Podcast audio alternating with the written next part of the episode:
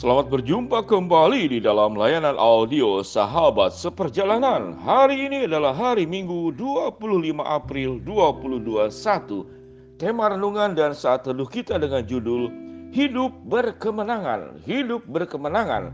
Firman Tuhan terambil dalam 1 Korintus 15 ayat yang ke-57. Demikian bunyi firman Tuhan. Tetapi syukur kepada Allah yang telah memberikan kemenangan oleh Yesus Kristus Tuhan kita. Dalam 1 Korintus 15 ayat yang ke-53, firman Tuhan berbunyi, karena yang dapat binasa ini harus mengenakan yang tidak dapat binasa. Dan yang dapat mati ini harus mengenakan yang tidak dapat mati. Mari kita berdoa. Bapa yang di dalam surga ya Tuhan, biarlah kami sebagai anak-anakmu kami mengalami kehidupan yang berkemenangan secara benar. Jangan sampai kami hidup merasakan sudah memenangkan sesuatu, namun sesungguhnya kami sedang melakukan sebuah kesalahan. Di dalam nama Tuhan Yesus kami berdoa. Amin. Shalom sahabat seperjalanan yang dikasih Tuhan. Hidup yang berkemenangan di dalam firman Tuhan ada perjuangan yang dikejar oleh manusia yaitu kemenangan yang dapat binasa dan kemenangan yang dapat mati. Apa itu kemenangan yang dapat binasa dan kemenangan yang dapat mati? Sebagaimana dicatat di dalam 1 Korintus pasal 15 ayat yang ke-53. Kemenangan yang dapat binasa itu apa? Alkitab dengan jelas mengajarkan seluruh hal-hal yang ada di dalam dunia ini yang sudah tersangkut paut dengan dosa, yang sudah tersangkut paut dengan kehidupan, yang kemudian menjauhkan diri dari Allah, itu adalah yang bisa membawa kepada kebinasaan dan juga kematian. Apa itu yang bisa membawa kebinasaan dan kepada kematian? Kesimpulannya adalah dosa. Dosa adalah membuat kita masuk ke dalam kebinasaan dan kematian. Tatkala Adam dan Hawa melanggar kebenaran firman Allah, maka Adam dan Hawa mengalami kematian dan kebinasaan. Apa itu kematian dan kebinasaan? Yaitu kematian dan kebinasaan secara hubungan roh dan spiritual antara manusia dengan Allah. Hubungannya menjadi terputus.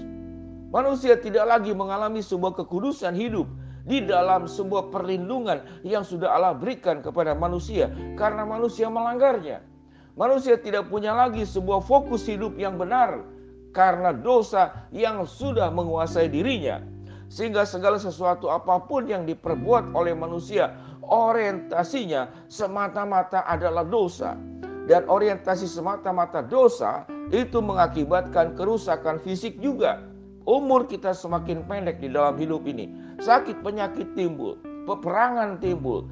Lalu kemudian dosa itu iri hati, kemarahan, keinginan untuk menghabisi dan merusak, memusnahkan, menghancurkan, membunuh, mencuri, untuk melakukan segala sesuatu kepada pihak lain. Sehingga sungguh dosa ini merusak segala hal di dalam kehidupan manusia. Pada akhirnya kebinasaan dan kematian menjadi bagian yang menyeluruh terjadi di dalam kehidupan orang-orang berdosa. Tidak hanya mati fisik, namun juga mati banyak hal.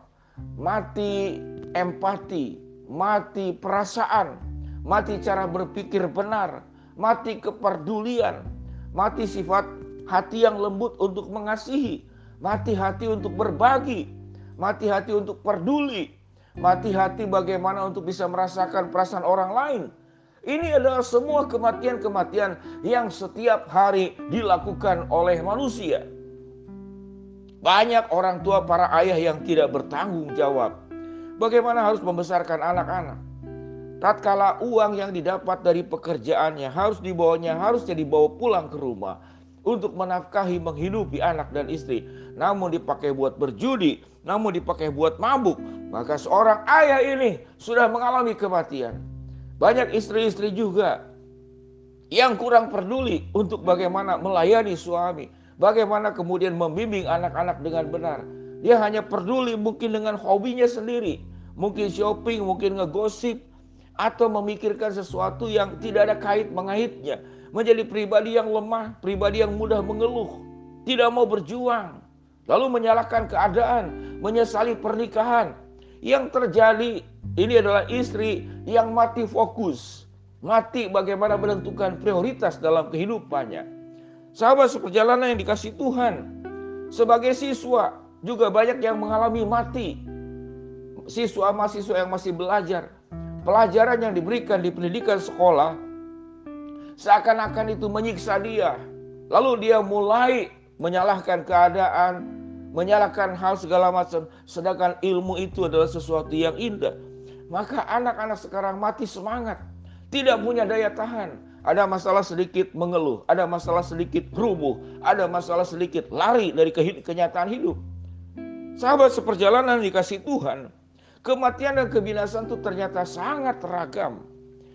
Faktor pendasar pencetus dasar yang utamanya adalah bahwa dia tidak hidup di dalam Allah. Orang yang hidup di dalam dosa, dia akan mengalami kematian dan kebinasan di dalam seluruh aspek. Dan orang yang hidup di dalam Kristus dan di dalam Allah, dia akan hidup mengalami kemenangan demi kemenangan. Sebab yang diperjuangkannya adalah sesuatu yang tidak dapat mati. Sebab yang diperjuangkannya adalah sesuatu yang tidak dapat binasa. Sebab yang diperjuangkannya adalah sesuatu yang hidup di dalam kebenaran. Orang yang sudah menjadi milik Kristus, lahir baru, diselamatkan oleh Kristus, maka seluruh hal positif yang benar ada di dalam dirinya tatkala hal yang positif dan benar ada di dalam dirinya, dia akan mengalami kemenangan dan kemenangannya juga menyeluruh. Kemenangan secara karakter, kemenangan secara teladan hidup, kemenangan kemenangan secara semangat, sikap optimis dalam hidup, kemenangan juga seluruh aspek hidupnya di dalam kebenaran. Kemenangan di dalam menentukan prioritas, kemenangan di dalam melawan kemalasan, kemenangan di dalam melukai orang lain, kemenangan di dalam hidup yang bertanggung jawab, kemenangan di dalam bagaimana punya hati seperti Kristus dalam hidup. Sehingga kemenangan yang sesungguhnya itu sedemikian kaya, sedemikian luas, sedemikian luar biasa. Namun kekalahan di dalam dunia ini, kalau kita hidup untuk mengejar sesuatu yang dapat binasa, kita hidup untuk mengejar sesuatu yang dapat mati kematian dan kebinasaan yang ada di dalam diri kita sekalipun kita masih hidup. Kita mati hati nurani, kita mati semangat, kita mati kepedulian. Kita mati hati untuk ingin beribadah. Semuanya sudah binasa di dalam hidup orang percaya, di dalam hidup orang percaya yang sudah percaya sekalipun namun tidak hidup dalam kebenaran, apalagi orang yang tidak percaya kepada Allah. Sahabat seperjalanan yang dikasih Tuhan, pilihan kita kita mau hidup di dalam kemenangan atau kita hidup di dalam kekalahan. Kalau kita hidup ingin dalam kekalahan, hiduplah di dalam dosa. Hiduplah di dalam perjuangan dunia. Hiduplah hanya hanya hanya untuk mencari sehat, kaya, sukses di sukses lancar dan segala sesuatu tanpa peduli hidup di dalam kebenaran. Namun sewaktu engkau hidup di dalam kebenaran, engkau akan melakukan perjuangan yang sesungguhnya, yaitu hidup berkemenangan, yaitu engkau hidup benar dan engkau benar hidup dan kau benar, benar, benar. Artinya apa? Benar hidup, hidupnya itu benar. Hidup benar, hidupnya penuh dengan kebenaran. Benarnya bagaimana? Benar, benar, benar. Artinya apa? Sungguh-sungguh benar. Dan kebenaran yang sesungguhnya hanya di dalam Allah. Sewaktu kita hidup berkemenangan di dalam Yesus Kristus. Kalau Kristus sudah memperjuangkan sebuah kehidupan yang luar biasa. Dari terlahir, mati, bangkit untuk kita semua Mari kita meneladani kehidupannya bersama Kristus. Biarlah kita hidup berkemenangan dengan tidak hidup di dalam dosa, dengan tidak hidup dengan cara duniawi, namun hidup di dalam kebenaran dan hidup bersama dengan Allah. Hidup kita penuh dengan karakter, hidup kita penuh dengan keteladanan hidup. Hidup kita memiliki kisah hidup yang benar dan hidup kita itu berjalan bersama dengan Allah di dalam segala sesuatunya tanpa menyimpang ke kiri dan ke kanan. Mari kita berdoa. Bapak yang di dalam surga hamba mau berdoa buat sahabat seperjalanan yang sedang sakit di rumah sakit ataupun di rumah. Tuhan jamah, Tuhan sembuhkan. Buat sahabat seperjalanan yang sedang menghadapi tantangan, rintangan, kesulitan dalam hidup ini. Tuhan bukakan jalan. Buat sahabat seperjalanan yang sedang memohon berharap sesuatu. Tuhan akan mengabulkan sesuai dengan waktu, rencana, dan kehendakmu. Di dalam nama Tuhan Yesus kami berdoa. Amin. Shalom sahabat seperjalanan. Happy Sunday, selamat beribadah. Tuhan memberkati kita semua. Amin.